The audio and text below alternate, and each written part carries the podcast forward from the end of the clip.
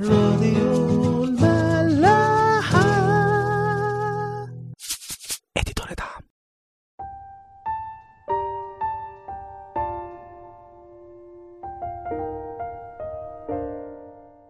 مساء الخير واهلا بيكم في حلقة جديدة من عيش وملح. امبارح كنا بنتكلم على داوود لما اتغاظ من ربنا لأن عزة مسك التابوت فمات. داوود خاف يكمل وينقل التابوت لأورشليم. وسابه في بيت واحد اسمه عبيد أدوم. اللي حصل إن ربنا بارك عبيد أدوم وكل بيته وفضل التابوت هناك لمدة 3 أشهر. لما الملك داوود بيسمع كده وبيتقال له قد بارك الرب بيت عبيد أدوم وكل ما له بسبب تابوت الله بيروح ويصعد بفرح تابوت ربنا من بيت عبيد أدوم لمدينة داوود. المرة دي وهم شايلينه على الأكتاف. واضح إن الرسالة وصلت. كل ما حاملي التابوت كانوا بيخطوا ست خطوات كانوا بيذبحوا طور أو عجل.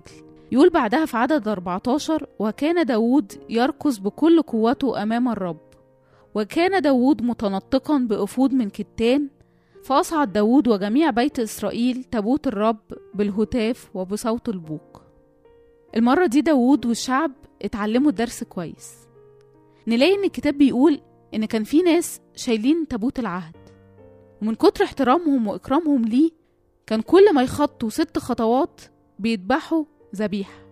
تخيلوا كل ست خطوات. أخبار أيام أول إصحاح 15 بيشرح لنا بالتفصيل أكتر اللي حصل في الحدث ده. يبتدي الإصحاح ويقول إن داوود أعد مكان لتابوت العهد ونصب ليه خيمة. وداود المرة دي قال ليس لأحد أن يحمل تابوت الله إلا للاوين لأن الرب إنما اختارهم لحمل تابوت الله والخدمته إلى الأبد. وجمع تاني كل الشعب وبني هارون وبني لاوين اللي من ضمنهم بني قهات اللي هيشيلوا التابوت وبيجمع كمان الكاهنين الموجودين وقتها صدوق وأبيثار واللاوين ويقول لهم أنتم رؤساء آباء اللاوين فتقدسهم أنتم وإخواتكم وأسعدوا تابوت الرب إله إسرائيل إلى حيث أعددت له. بصوا بقى الحتة اللي جاية دي. لأنه إذ لم تكونوا في المرة الأولى اقتحمنا الرب إلهنا لأننا لم نسأله حسب المرسوم. يعني ما نفذناش الناموس والوصايا بتاعته. وبيتقدس فعلا الكهنة واللاوين وبيسعدوا تابوت العهد بالعصيان على كتافهم. زي ما موسى قال لهم وصية ربنا ليهم من زمان. وبيوقف داود المغنين والعازفين كلهم يغنوا ويعزفوا قدام تابوت العهد. في سفر أيام أول 15 بيذكر أسماء كل المغنين والعازفين. كل واحد كان بيغني أو بيعزف على أنهي آلة. قد كده ربنا كان بيحب التسبيح والترنيم. إنه يكتب في الكتاب المقدس أسماء المغنيين والعازفين اللي كانوا قدام تابوت العهد. وبيصعد تابوت ربنا بهتاف وصوت بوق. زي ما استخدموا البوق وهما بيلفوا حوالين أسوار أريحة عشان تقع. وسط كل ده داود كان لابس أفود من كتان بيرقص بكل قوته قدام ربنا. ما كانش لابس الجبة بتاعته بتاعت الملك واللي بتدل على العظمة. خلعها من عليه وفضل بأفود كتان زي الجلابية البيضة اللي بتتلبس تحت اللبس. كانت بتتلبس زمان علامة على النقاوة الداخلية. داود ما فرقش معاه إن هو يقلع سيب الملك ويفضل بأفود بسيط في المستوى قدام ربنا لأن قدام ربنا فعلا مفروض إن إحنا نطرح كل تيجاننا وممتلكاتنا نخليه هو وحده صاحب الملك والسلطان. مهما كنا في منصب أو معانا فلوس أو شهادات أو مستوى اجتماعي أو ثقافي كل ده ما يسويش حاجة مقارنة بملك ربنا. قدام ربنا لازم نطرح كل الحاجات دي. يبقى هو الملك الوحيد على حياتنا. داود من كتر ما هو فرحان كان بيرقص بكل قوته قدام تابوت ربنا. داود ما كانش بيبالغ أو بيمثل هو فعلا كان فرحان جدا بربنا وبحضوره وسط شعبه. كان كل حاجة فيه فرحانة بتمجد ربنا مش روحه بس ده انعكس على جسده كمان. خلونا نشوف كده كذا حد رقص من فرحته بربنا في الكتاب المقدس. داوود رقص قدام التابوت. ومريم النبية أخت موسى في خروج 15 لما ربنا عداهم من البحر الأحمر أخدت دف بإيديها وخرجت هي ووراها الستات كلها بطفوف ورأس وبعد ما داود انتصر على جولياط في صمويل أول 18 الكتاب يقول إن الستات خرجت بغنى ورقص عشان يستقبلوا شاول وداود كمان بنت يفتح الجلعادي خرجت تستقبله بطفوف ورقص. يفتح الجلعادي ده كان واحد من قضاة إسرائيل. كنا اتكلمنا على حكايته في قضاة 11 لما اتسرع بعد ما انتصر ونظر لربنا إن أول واحد يستقبله وهو داخل المدينة هيقدموا ذبيحة ليه. وكانت بنته هي أول واحدة تستقبله بطفوف رأسه وهو داخل المدينة. شعب ربنا كان بيسبح ربنا بالغنى وبالترانيم بالصلاة وبالرقص كمان. المزامير اللي كلها تسبيح لربنا بتذكر الرقص ده كذا مرة. حولت نوحي إلى رقص لي ليسبحوا اسمه برقص بدف وعود ليرنموا لله. سبحوه بدف ورقص سبحوه بأوتار ومزمار.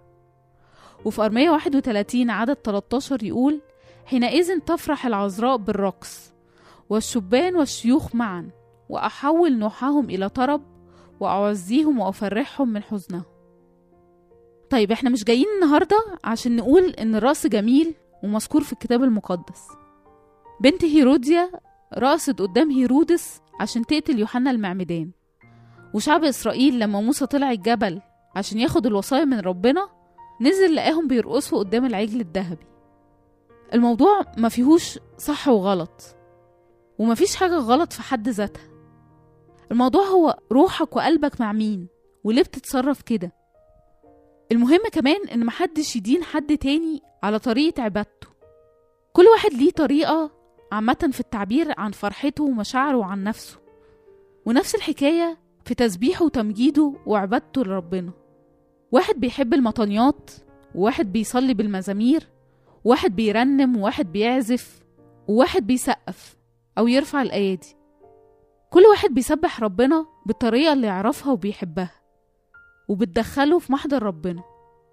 أهم حاجة إن أي نوع من أنواع التسبيح دول يبقى من القلب فعلا مش ظاهريا أو تمثيل لأن الإنسان ينظر إلى العينين أما الرب فإنه ينظر إلى القلب. ربنا ما حطلناش قالب واحد لازم نعبده بيه أو شكل واحد للعبادة.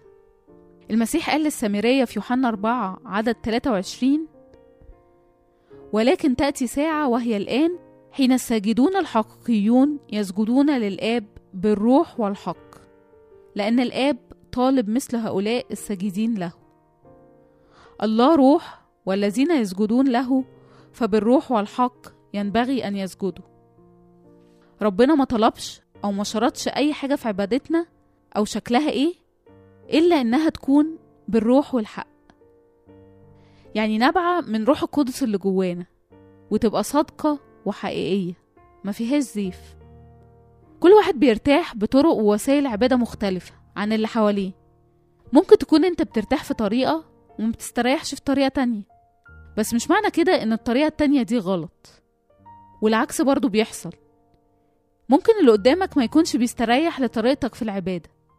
المهم لا انت في قلبك ولا هو في قلبه حد يدين التاني. كان في حد بيقول عدد طرق الوصول لربنا بعدد الأشخاص اللي بيخلصوا. خلونا نرجع تاني لداود ونشوف حصل إيه. داود قعد يرقص بكل قوته قدام ربنا وفرحان بدخول التابوت للمدينة.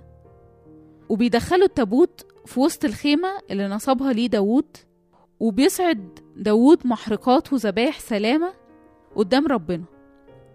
لما بينتهي من إصعادهم بيبارك الشعب باسم رب الجنود وبيوزع على كل الشعب وجمهور إسرائيل رغيف خبز وكاس خمر وقرص زبيب. علامة عن الاحتفال يعني والفرح بنقل واستقرار التابوت.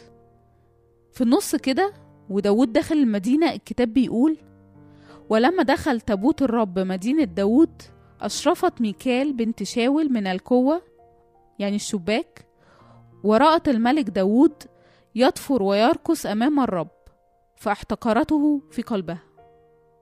ولما داود بيرجع بيته بعد إصعاد المحرقات والذبايح بمنتهى الفرح بتخرج ميكال بنت شاول مراته لاستقباله وتقوله باستهزاء ما كان أكرم ملك إسرائيل اليوم حيث تكشف اليوم في أعين إماء عبيده كما يتكشف أحد السفهاء. يعني إن هو قلع قدامهم زي أي حد تاني مش سليم عقليا.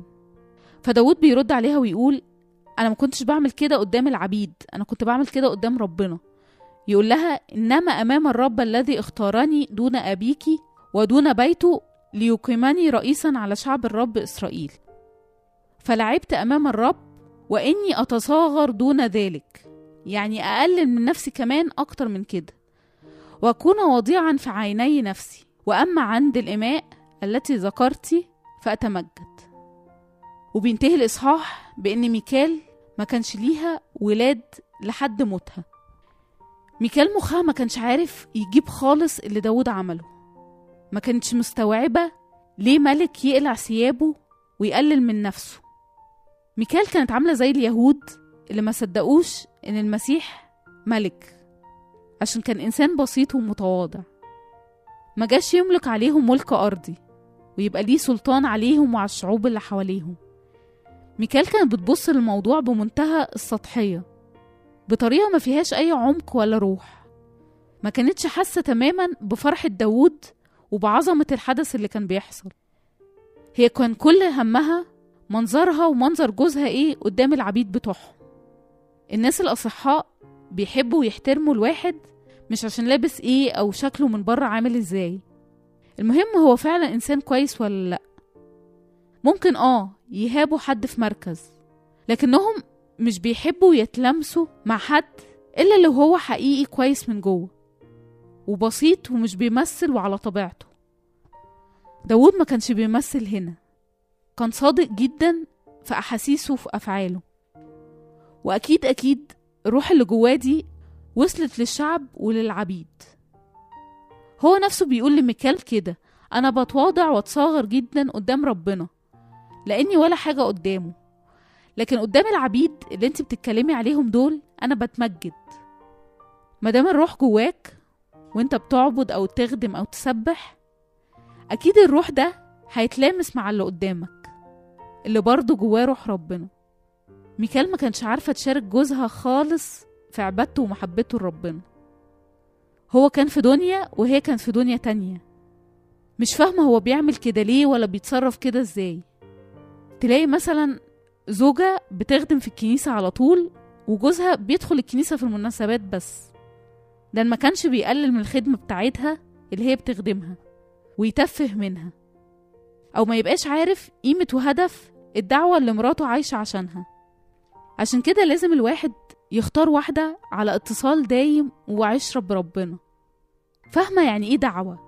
يعني إيه رسالة وخدمة؟ ممكن دعوتها تبقى مختلفة عنك بس في الآخر تكون ماشية على نفس الطريق. أنتوا الاتنين بترفعوا بعض لناحية ربنا. كل واحد مهتم بخلاص التاني روحيا. كل واحد بيحاول يشارك التاني في معرفة وتحقيق رسالته ودعوته اللي ربنا بعته عشانها.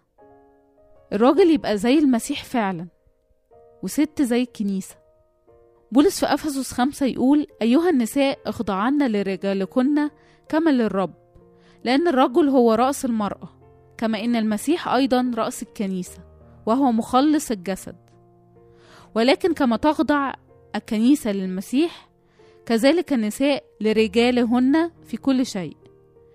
أيها الرجال أحبوا نساءكم كما أحب المسيح أيضا الكنيسة وأسلم نفسه لأجلها. نكمل معاكم بكرة. راديو ملاح. دي دنيا تعم